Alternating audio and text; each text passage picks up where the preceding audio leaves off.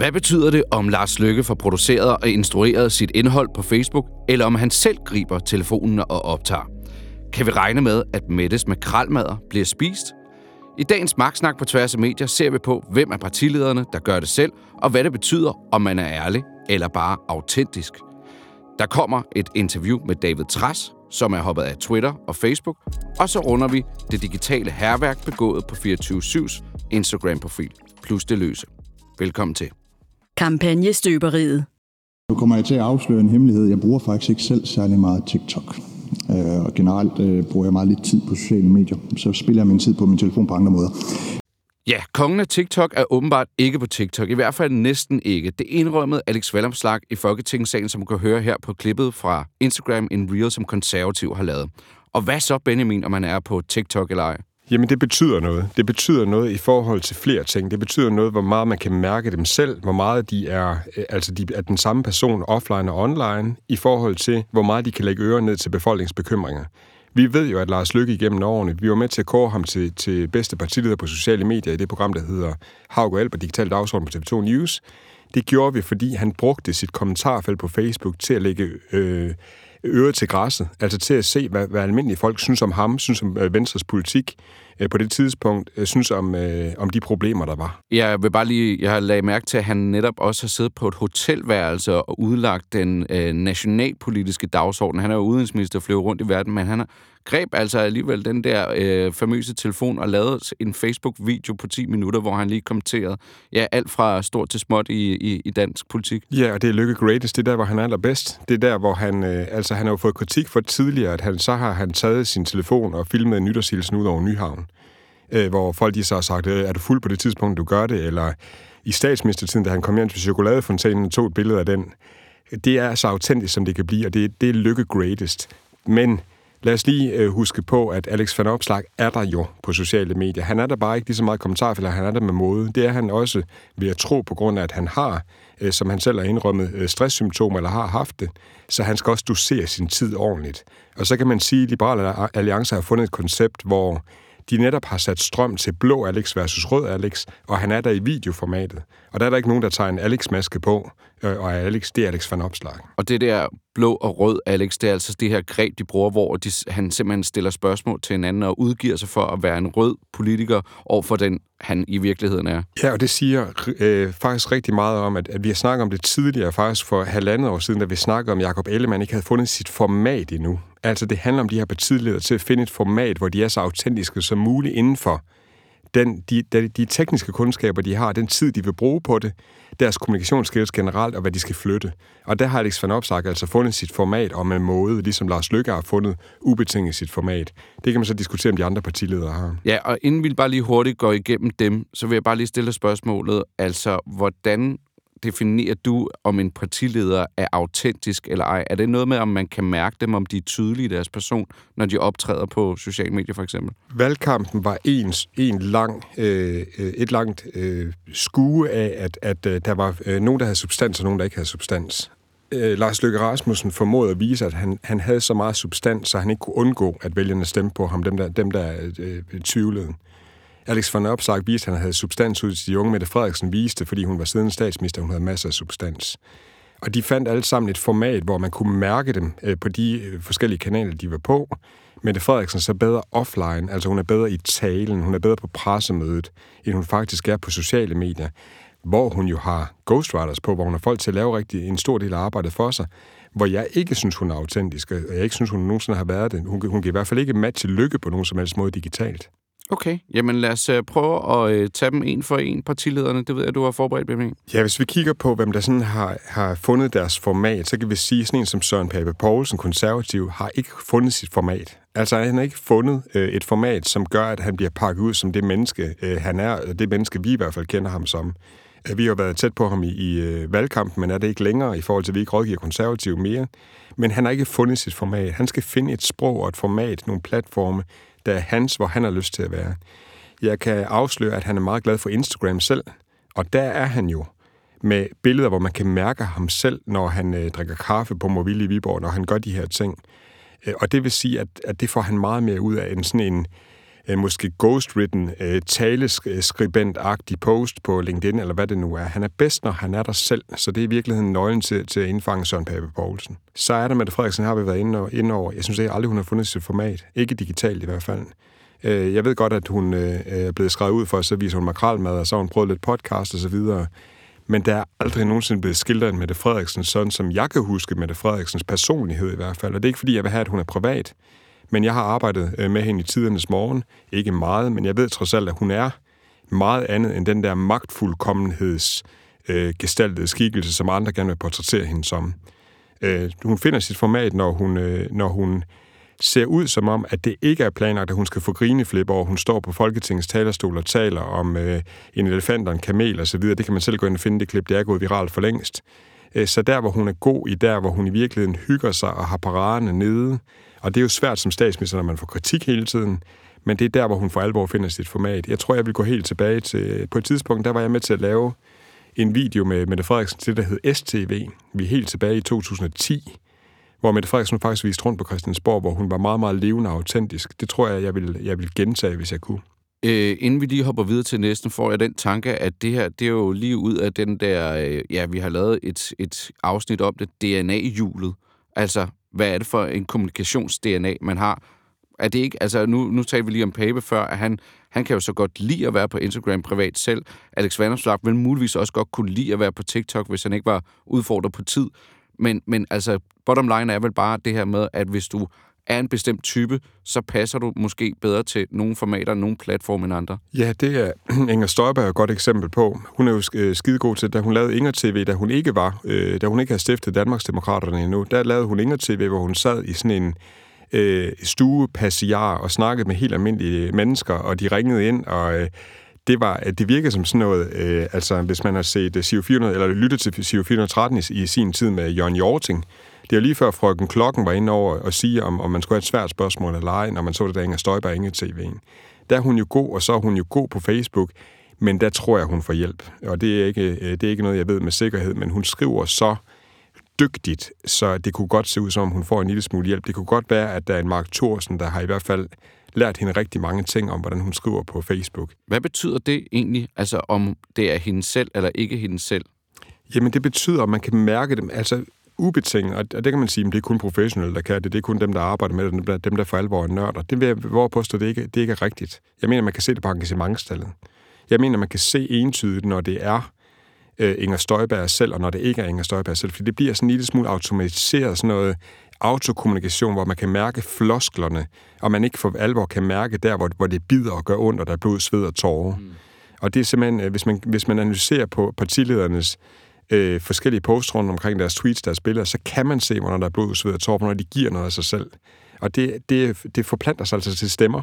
Hvordan ser man på en af de andre partiledere? Jamen, hvis man kigger på øh, Pia Olsen Dyr, så har hun jo fundet sin Twitter-stil.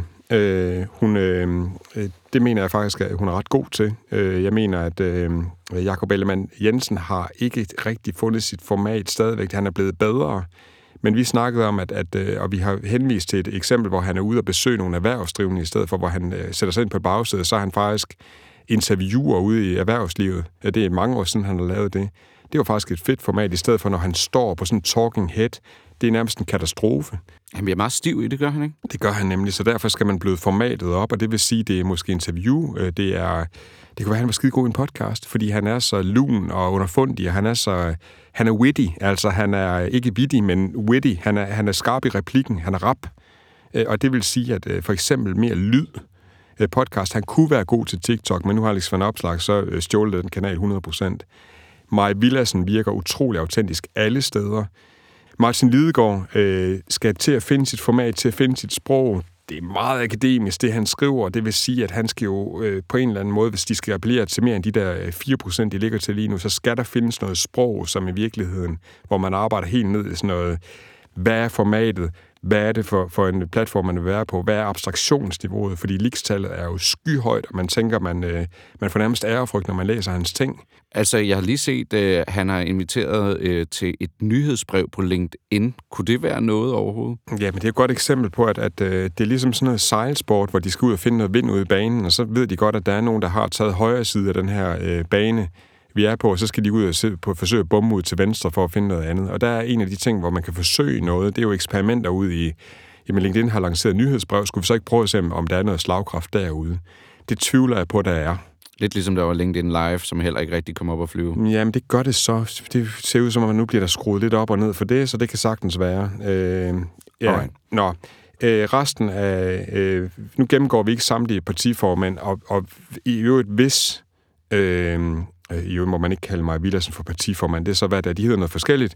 Men, men hvis Lars Borg Mathisen han bliver partiformand for Nye Borgerlige, så vil han jo indiskutabel kombination af video med det der harcelerende, øh, øh, polemiske stil, som han kører, øh, kombineret med Facebook, det bliver han kritiseret for. Det kommer vi til at vende tilbage til i det her program. Det bliver han kritiseret for Nye Borgerliges Ungdom, som ikke er Nye Borgerliges Ungdom længere. Men det kan også bære ham rigtig, rigtig langt i forhold til, at man kan fornemme den der indignation over, øh, hvor, om der kan spares penge i det offentlige eller ej. Skal vi lige have Morten Messerschmidt på banen også? Ja, altså, øh, han gør det jo selv. Øh, for det første, det ved vi, øh, fordi vi har arbejdet med ham i en anden sammenhæng. Øh, øh, og det vil sige, at øh, han er ikke den, sådan, den store teknikkunstner, øh, men han er til gengæld, altså han skriver det, han mener, og han er jo lige akkurat også rap i replikken, og meget, meget sådan konfrontatorisk. Øh, Facebook er stadigvæk mediet for ham, hvor, øh, hvor der kan være masser af slagkraft. Øh, og så i øvrigt, så har han jo en... Øh, han har jo sådan en æstetisk over, hvor han godt kan lide opera, han godt kan lide, så sidder han lige på torvet i Bologna eller i Firenze, eller hvad han nu gør sammen med sin dot. Så der er jo også noget billedmateriale, og der kunne også godt være noget øh, podcast for. Han er, jo, han er jo øh, fantastisk i radioprogrammer, hvor han selv har haft sit eget radioprogram. Det kan jeg ikke huske, om han har længere. Men har haft sit eget radioprogram på, øh, på flere flader, hvor han nærmest burde starte podcasten med sådan en aria, et eller andet operaagtigt, hvor, eller hvor han selv synger. Det kunne være fantastisk. Cowboy-trækket. Hvad er ugens cowboy-trick, Benjamin? Jamen, korportrækket skal være letbenet, det bliver det her også. Det er sådan nogle små uh, tricks. Uh, I uh, det sidste gang, der var det Remember the Milk, min app, hvor jeg havde fundet Gud og så videre. Den her gang har jeg fundet noget andet. Jeg har fundet to boglanceringer, uh, hvor uh, det lille korportræk i virkeligheden er, at man skal sætte strøm til sine fede præsentationer og gode, de ting, man opfinder. Og så pisse på den danske jantelov. Uh, to, uh, jeg gerne vil fremhæve, uh, Henriette Rall og Katrine Matilke. Øh, Øh, to af mine yndlingsrådgiver i øvrigt har skrevet øh, fælles på LinkedIn her i det nye år, at de kommer til at lancere en bog, når mennesker er medier. Jeg har været inde og skrive, at jeg glæder mig til at læse den. Det gør jeg. Jeg glæder mig til at læse. Det blev proklameret for, for øh, et stykke tid siden, at Katrine Matilke sad med den titel på bogen. Jeg glæder mig rigtig meget til at læse den, når mennesker bliver influenter. Jeg tror, det kommer til at, at sætte rigtig meget spot på, øh, på og, og måske formel på, hvordan man bruger afsenderstemmer, og hvordan man bruger ekspertstemmer. Så det glæder jeg mig rigtig meget til. Og de er gode til Korportrækket er jo, sæt nu strøm til det, når man har, når man har lavet så fedt et digert værk, så sæt strøm til det digitale også, så vi får forventningens glæde, så vi præbestiller det, øh, så vi omtaler den her i podcasten. Ja, de ser, når vi, vi kommer til at gøre det. Ja, og det er jo fantastisk. Altså, og, og en anden, jeg faldt over den i morges, øh, er der nogen hjemme i Strategihuset, der kommer, øh, hvor, hvor manus er afleveret, øh, har vi fundet ud af nu. Det er øh, en mand, der hedder Øh, Christian Nyvang Kvik, øh, som kommer til, øh, og, og, og han har selv lagt ud her til morgen, der har han lagt ud hvordan, med, med fine billeder af, hvordan strategihus ser ud. Det glæder jeg mig personligt til at læse. Jeg sidder og kæmper med rigtig meget op i den strategiske del. Lige akkurat på det her vision-mission, hvor jeg ikke selv er så stærk, hvor jeg kommer ikke til at tyvstjæle hans Larsen, jeg kommer til at læse den her bog, så kommer jeg selvfølgelig til at skrive og kreditere ham, men, men super fedt mod, at han skriver Brug strategihus til at sikre sammenhæng mellem mission, vision, værdi og strategier. Det lyder flyvsk. Det glæder mig til at læse, øh, sat på formen ned i bogen. Lingvisten. handler i denne uge om Robusthedskommissionen. En kommission ledet af Søren Brostrøm, som, og jeg citerer, skal komme med anbefalinger til løsninger, som kan håndtere de grundlæggende udfordringer i sundhedsvæsenet, så der sikres robusthed i opgaveløsning og adgang til uddannet og kompetent personale i hele landet. Solklar, Benjamin. Jamen, det er fantastisk. Vi har taget den med i Lingvisten, som vi ellers ikke har særlig ofte i det her program, fordi vi har botaniseret helt ned i sådan noget newspeak. Altså, hvad der sker, når man sætter et ord på en kampagne, en øh, retning, en kommission, hvad det nu er. For det er vigtigt. Og det her, det kan man grine lidt af. Robusthedskommissionen, øh, det er jo sjovt, at den ikke hedder Resilienskommissionen, og de går all in på det, eller hvad det nu er. Der bliver sådan lidt øh, øh corporate øh, konsulent-bullshit over det, og det kan vi jo godt lide. Og så afsikrer jeg også lige mit gevær i forhold til, at øh, der er godt nok nogen, der har siddet her og tænkt, øh, hvordan får vi pakket det her helt ud, så det har præcis den lækreste tone. Øh, øh, robusthedskommission. Er du robust, Rasmus? Altså, jeg er i hvert fald, jeg begynder at blive lidt øh, porøs i kanterne, når jeg hører sådan noget bullshit der, det må jeg indrømme. Jeg, altså, jeg, jeg bliver meget i tvivl om, hvad det her det handler om i virkeligheden. Nu skal de have lov til at pakke det ud, men, men det må ikke få, få klang af for eksempel Disruption-rådet, eller de, de ord, som vi tidligere sådan er blevet fodret med. Øh, men, men i øvrigt, ord betyder fantastisk meget. Vi kunne lave sådan en helt grundvigianer her. Ord skaber det, det nævner. Hvad sker der, når man siger fremdriftsreform i stedet for, vi pisker studenterne? Betalingsring, som var et fejlskud. Hvad sker der, når altså hele kampen om ordene i forhold til hedder øh, sprøjtegift i vores grundvand, hedder det sprøjtegift, eller er det planteværnsbeskyttelse, som Dansk Planteværn gerne vil have? Der er masser af ord, hvor der hele tiden sådan er ordkampe i forhold til at finde det rigtige ord, og i forhold til sådan bestemme evalueringen af det. Det har vi skrevet side op og side ned, så, så props op til Robusthedskommissionen i første omgang. Jeg glæder mig til at følge, hvad der så bliver pakket ud her. Sociale medier. Jeg har talt med journalist og meningsdanner David Tras, som er stoppet på Twitter og Facebook. I hvert fald sat det på pause. Inden jeg lige afspiller interviewet for vores lyttere, Benjamin, hvad gør hans beslutning interessant? Det gør det interessant, at han har taget stilling til, hvad der, sker op i, op i hans hjernevindinger, når han sidder i øh, alle de her øh, kampe, debatter, når han bliver flået fra øh, hinanden hver eneste, øh, valg, øh, hver eneste weekend, hver eneste øh, dag, han skriver noget. For det er det, der sker. Det er det, Twitter også gør ved os. Øh, hvem har ikke prøvet at sidde og prøve at skrive noget på Twitter, og så bliver man pillet fra hinanden hele weekenden, ved at folk de kommer ind og skriver, what the fuck, eller er du seriøs, eller hold kæft, hvor er du polemisk. Og det er alle mulige, man ikke kender fordi man putter sig jo selv på spil, og det har altså nogle konsekvenser, som er, det her det er en must-read. Det er meget, meget øh, vigtigt at læse. Og så bare lige et lille øh, NB, et lille notabene. David Tras er også selv utrolig polemisk, og det vil sige, han, man kan sige, han har også fodret de trolde, der er, og måske har han også selv haft lidt troldeadfærd, men det må han selv sådan, øh, elaborere lidt over i sin tænkepause. I hvert fald, jeg synes, det er super sundt, det han gør, og, jeg, og øh, kæmpe respekt for, at han går ud og skriver en kronik på politikken, så vi andre kan følge det her eksperiment og lære noget af det. Ja, lad os lige prøve at høre, hvad han øh, selv siger. Jeg starter med at spørge David Tras om, hvad var årsagen til, at han netop hoppede af Facebook og Twitter? Jamen, lad mig sige, der er flere grunde, men lad mig nævne to, som er meget centrale. Den ene er, at jeg har oplevet, at uh, Twitter hverken gør noget godt for mig, eller for den debat, uh, som jeg involverer mig i. Det vil altså sige, at jeg føler, fordi Twitter er sådan indrettet, at det premierer negativitet, øh, voldsom øh, polemik og den slags, så føler jeg, at jeg selv blev trukket ned i døgnet af de algoritmer og den kunstige intelligens, der langt hen ad vejen styrer Twitter, men at jeg også selv i stigende grad bidrog til at trække debatten. Øh, ja, hvordan, altså, hvordan gjorde du det? Ene, jamen, jamen, det gjorde jeg jo ved, at øh, jeg opdagede øh, øh meget tydeligt, øh, først sådan lidt indirekte og siden meget direkte, at hvis jeg selv var meget øh, rå, polemisk, øh, skarp, øh, unuanceret i mine synspunkter, så ville det blive præmieret, med så må sige, med, med stor opmærksomhed, stort engagement, stor øh, øh, deltagelse øh, og, og stort antal likes. Så det var sådan den ene grund, det var den der med, at systemet trækker mig ned i døgnet, men jeg lod mig også selv øh, trække ned i døgnet. Det var den ene sådan overordnede grund. Den anden øh, overordnede grund, som jeg lige vil pege på, som også betyder noget for mig, det er, at, øh, at øh, jeg simpelthen ikke ønsker at støtte hverken øh, Twitter eller Facebook længere, fordi de er styret af nogle af verdens øh, rigeste mænd, øh, som derved, øh, selvom jeg var en lille brik i deres store spil, på en eller anden måde deltog, det bidrog jeg til, at, at mange mennesker kunne blive underholdt af, hvad jeg skrev, og det gjorde jeg jo gratis, mens de kunne blive rige. Så det var sådan set de to grunde, den personlige, og så den, den, den øh, mishad mod systemet som sådan netop når du nævner de her to vinkler, altså både hvordan du selv øh, bidrog til det, og hvordan du blev trukket ned i døgnet, men altså også det her med, hvordan at algoritmerne jo netop er med til at, at gøre det her øh, efter din overbevisning, jamen så kunne jeg bare godt tænke mig at spørge, hvem, hvem er egentlig den største skurk her? Har det været dig, der har i virkeligheden ikke kunnet tåle at være på sociale medier, og måske mindre sociale medier, der har været noget galt med?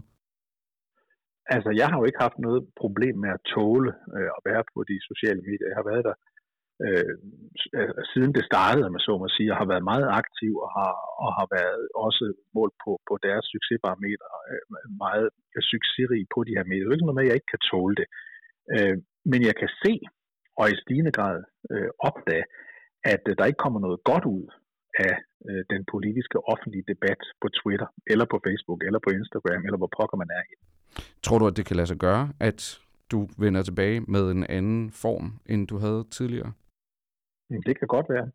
Øhm, det kan godt være, øh, og, og, og, og, og det kan jo også godt være, at, øh, at, øh, at det så i givet fald vil betyde, at mit reach der ville falde fra at være øh, ganske stort.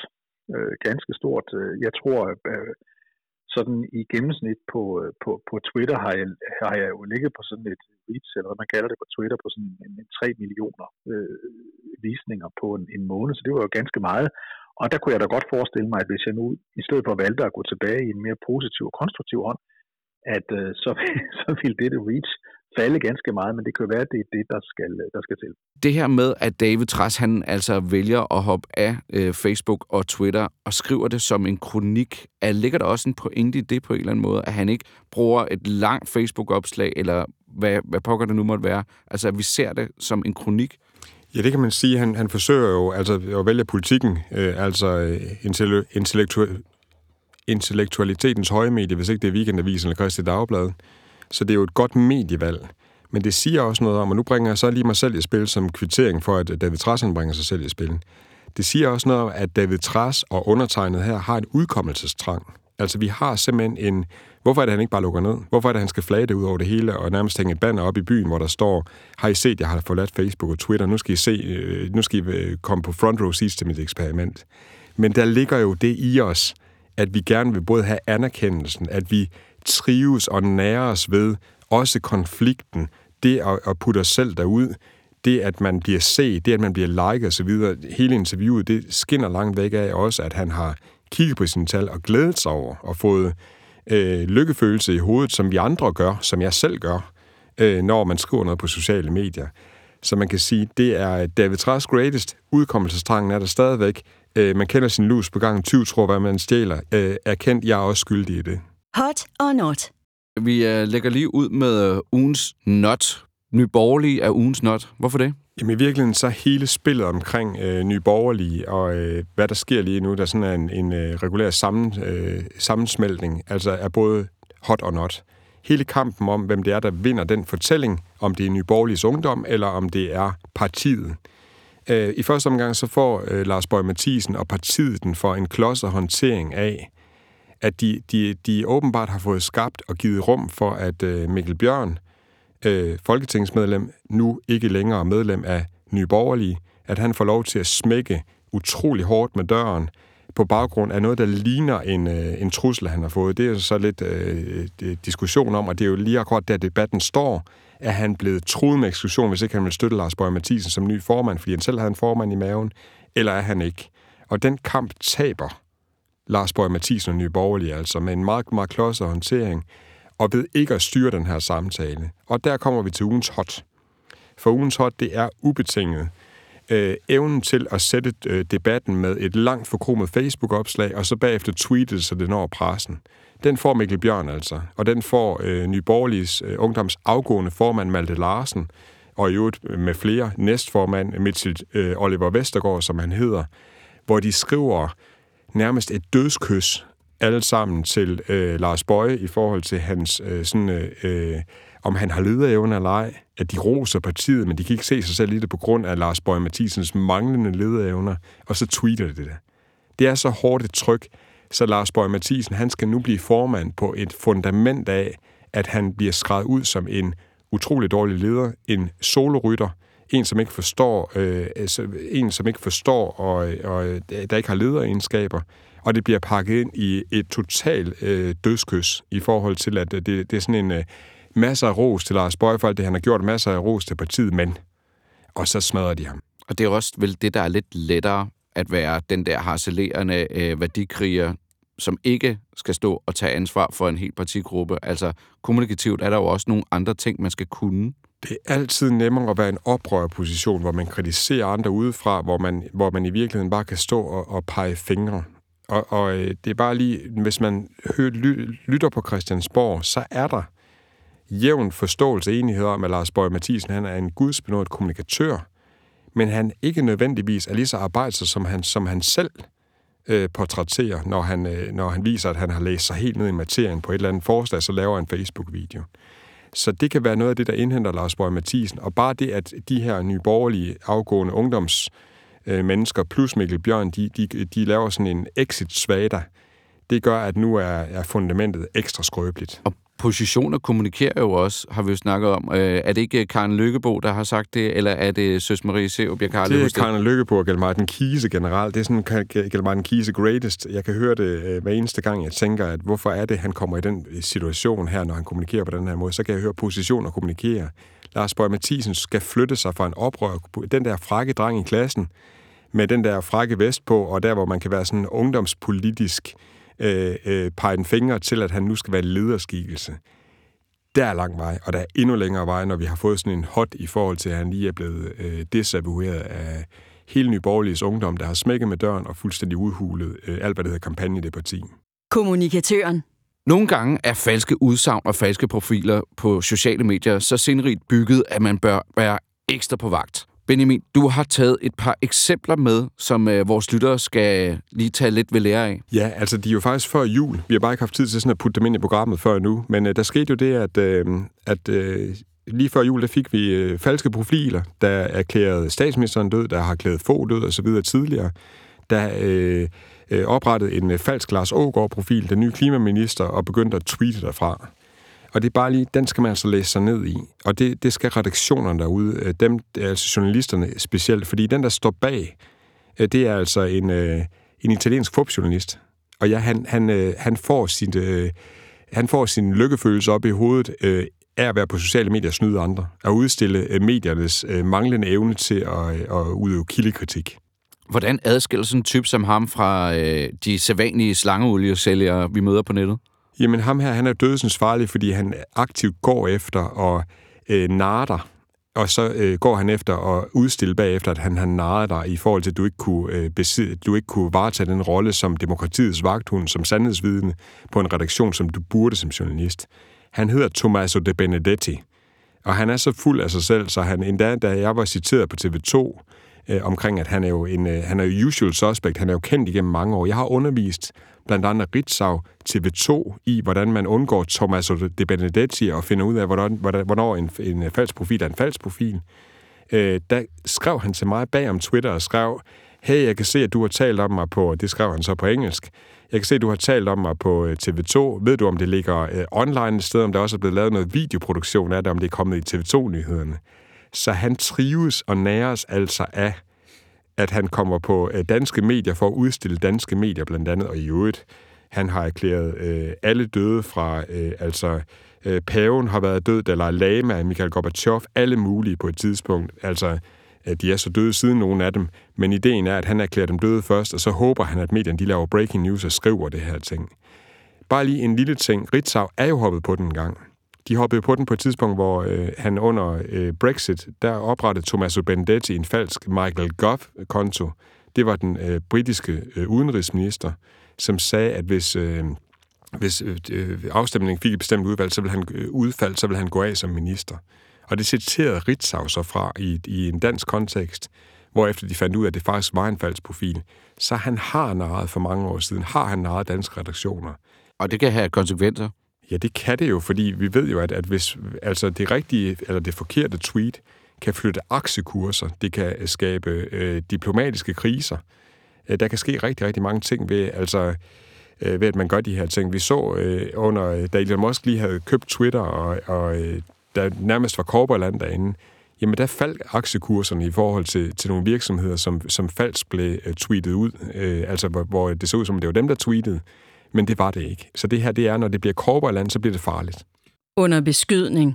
Radiostationen 24 er ramt af digitalt herværk, efter to journalister har postet indhold på radiostationens Instagram. En ellers slunken Instagram-side, som eksploderede i følgere. Følgere, som har vist sig at være bots, altså falske profiler. Hvad er der gået galt, Benjamin? Jamen, øh, vi har bare ramt en del af internettet, hvor der bliver sådan et herværk sagt. Vi havde faktisk, øh, i den forgangne tid har vi haft to små, sådan noget, øh, øh, ikke robotangreb, men vi, vi har haft noget, hvor, hvor det sådan er den, den mørke side af internettet. I det her tilfælde, der er det øh, nogen, der har købt øh, falske følgere til, øh, øh, Jens Selvparet her, øh, hvor, øh, hvor de så, øh, og det kan jo ødelægge et Instagram-konti. Altså det ødelægger jo rækkevidden på dem, og det vil sige, at... Øh, Hvordan gør det? Jamen det gør det ved, at øh, Maria Jensel og Pelle Peter, hvis de har øh, masser af følgere, normalt så bliver de jo målt på, hvor stor en del af engagement, hvor, hvor, hvor, hvor meget de kan skabe, når de, de smider noget afsted på Facebook, på Instagram osv. Øh, og hvis, hvis øh, der er en masse falske øh, følgere, som ikke liker noget, som i virkeligheden bare sidder og fyldt, så kan det påvirke, at, øh, hvor, hvor langt det her det kommer ud. Så det er vigtigt, at man har rigtige følgere på en række kanaler. Det er ikke så slemt på Twitter, det er slemt på LinkedIn, det er slemt på Facebook, det er slemt på Instagram, hvor man måler på, om det er rigtige følgere eller ej. Det samme ser man i øvrigt i det andet eksempel, hvor, øh, hvor det bliver sådan lidt mere politisk. Vi havde jo øh, kamp om, eller vi har kamp om Stor Bededag. Nu er der så samlet øh, over 400.000 underskrifter på FH's underskriftsindsamling på bevarestorbededag.dk. Øh, det lykkedes dem på en uge øh, at samle fire, over 400.000 underskrifter. Men da de nåede 200.000, der blev de hacket. Det påstår de i hvert fald selv, og siger, at de er blevet hacket. I hvert fald så gik sitet ned, øh, og øh, de må jo så kunne øh, argumentere for, at det er et, enten et, et DOS-angreb, eller, eller hvad det nu er. I hvert fald er de selv ude at sige, at, at de faktisk er blevet hacket. De går ud i samtalen på Twitter. Og det bliver til historien om, at på Berlinsk, at hackerangreb har ramt underskriftsindsamling. Det vil sige, det skal man lige pludselig også have med i sin kampagne og sine betragtninger. Når man øh, laver det der døde øh, WordPress-site, jamen så skal man også sikre sig, at hvis nu det bliver lagt ned, hvad gør man så med den underskriftsindsamling i forhold til, hvis nu den bliver slukket helt for? Så skal man se at lave en helvedes masse arbejde, dokumentere, at man har fået 200.000 underskrifter, fjerne de her falske underskrifter. Vi kan jo huske engang, da Naturfredningsforeningen fik tæsk for, at de overleverede underskrifter til ministre. Og dem, der havde skrevet under, det var Anders And, og det var øh, øh, alle mulige øh, falske navne. Øh, der var selvfølgelig hovedparten var, var ægte navne, men det er sådan nogle ting, man skal gardere sig øh, til, for os. Man er nødt til at vaske de underskrifter, så man ikke senere bliver beskudt for, at det bare er øh, 200.000, der hedder A. An eller J. Ulemand. Så der er masser af ting i det her. Ikke mere magtsnak denne gang. Benjamin Rød og jeg er tilbage i næste uge med politiske forskydninger, hot or not, på tværs af medier. Tak for nu.